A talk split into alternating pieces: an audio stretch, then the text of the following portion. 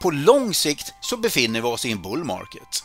Det vill säga den långa trenden pekar upp och jag har inga signaler på att den här upptrenden är på väg att försvagas. Det här är Investera och agera, en podcast från Carnegie Private Banking. Hej och välkommen! Idag när vi spelar in så är det onsdag den 23 juni och du lyssnar på mig, Jonny Torssell. Och jag är teknisk analytiker här på Carnegie Private Banking. Eh, sommaren är i antågande och jag tänkte dela med mig av vilka nivåer som jag tycker man kan eh, hålla koll på eh, och hur min karta ser ut över sommarbörsen både för Sverige och USA. Och sist när jag var med i podden så pratade jag om Eurostock 600 som såg riktigt stark ut och det ska vi också följa upp. Jag tycker även bankaktierna ser spännande ut. Har sektorn gått klart eller har den, har den mer att ge? Det ska vi också diskutera utifrån ett tekniskt perspektiv i dagens avsnitt. Men jag tänker att vi börjar med eh, OMX eh, och Stockholmsbörsen och se vad jag ser där. Allt, allt sedan coronabotten i mars förra året så har Stockholmsbörsen noterats i en uppåtgående trend där OMXS30, det vill säga Blue Chips-aktierna på Stockholmsbörsen, de har gått upp med 77 procent.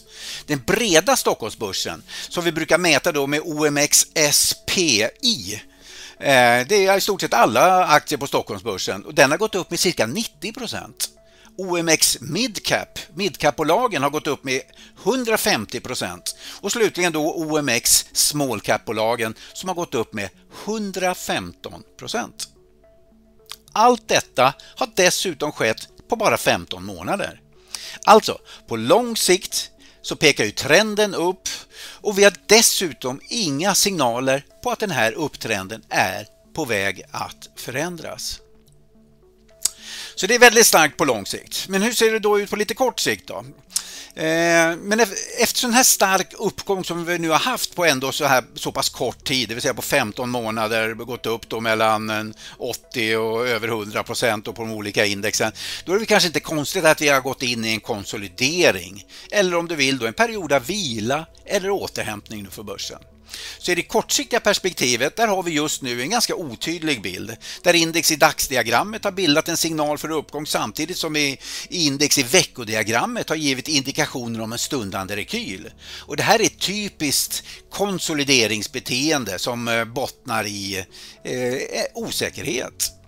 Så i det kortsiktiga perspektivet så har vi just nu en konflikt mellan tidsperspektiven eh, och jag menar att vi således har ett neutralläge på kort sikt. Och, eh, så länge index noteras mellan 2245 och 2300.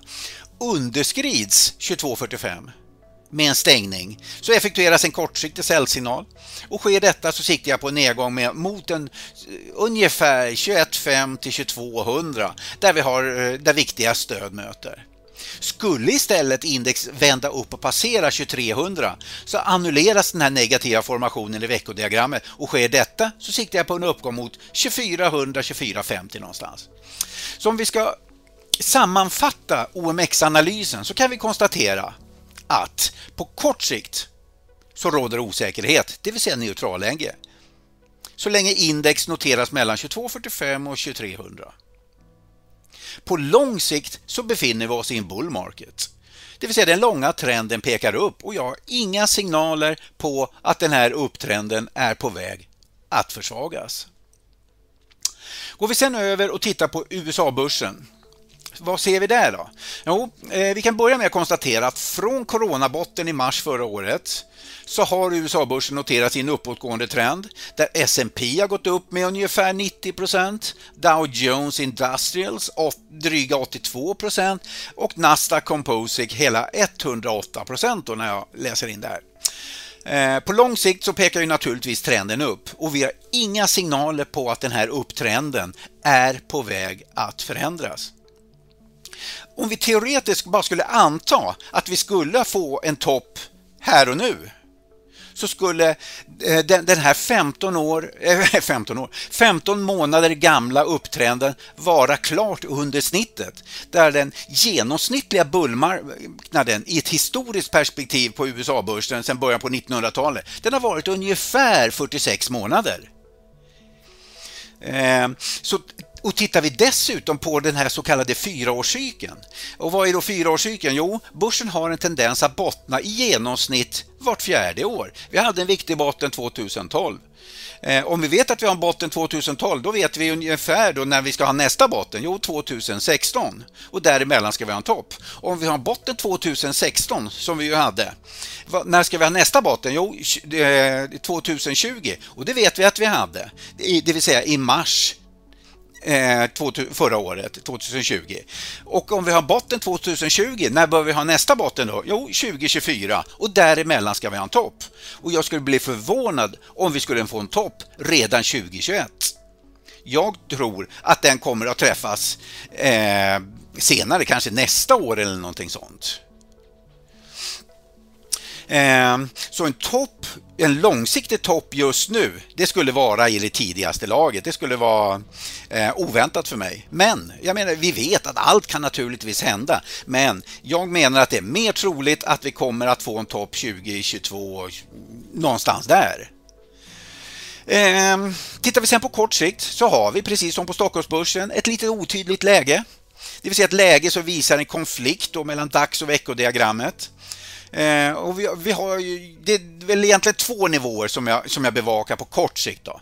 Dels 41,64 på nedsidan och sen då 42,58 på uppsidan. Underskrids 41,64 så effekteras en kortsiktig säljsignal och då siktar jag kanske på ungefär då 4000 4100 på nedsidan.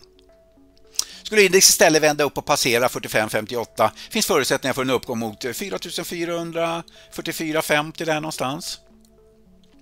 Så sammanfattningsvis när det gäller USA-börsen så konstaterar jag följande att på kort sikt så råder osäkerhet, det vill säga det här neutralläget, så länge index noteras mellan 41,60 och 42,58 eh, där någonstans. Då.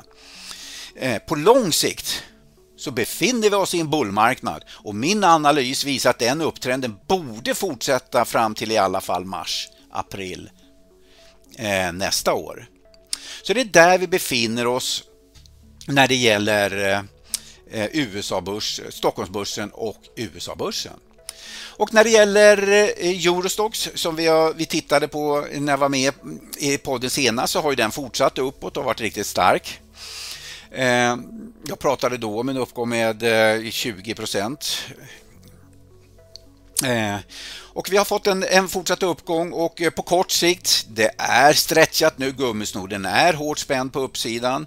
Eh, så min gissning är att vi borde få någon typ av rekyl. Men på lite längre sikt, tittar jag fram till mars, april nästa år eller något sånt där, ja, men då ser jag en fortsatt bra uppgångspotential för aktierna i Europa. Eh, går vi sen vidare och tittar på banksektorn så har ju den varit, eh, varit riktigt stark hittills i år. Den noterade ju till exempel en uppgång här från botten i december eh, fram till toppen i, i, i mars eh, så steg bankindex med nästan 26 procent. Tänk på fyra, ungefär fyra månader fick vi en uppgång i de stora bankerna på 25, i genomsnitt då 25 procent. Eh, och efter den toppen i mars så har bankindex noterats i en konsolidering. Volatiliteten har dragit ihop sig. Så det här ska ju bli väldigt spännande att se nu åt vilket håll vi ska få det här utbrottet. Får vi utbrottet på uppsidan, det vill säga om bankindex går över 5,50 med en tydlig stängning, då får vi nästa köpsignal i bankaktierna och då ska vi förmodligen upp mot skulle jag gissa någonstans mot en 1600 till 1650 eller någonting sånt. Eh, så att jag, jag, tycker att man ska hålla ögonen på, på bankaktierna för det, det, det kan finnas mera uppsida än där förutsatt att vi får de där köpsignalerna då naturligtvis. Eh, så det var väl det som jag hade idag. Så med det så ber jag att få eh, tacka för att du har lyssnat och eh, så vill jag önska en eh, trevlig sommar. Du vet väl att den här podden finns på både Spotify och iTunes? Om du tyckte det här avsnittet var bra får du gärna ge oss ett betyg eller rekommendera podden vidare.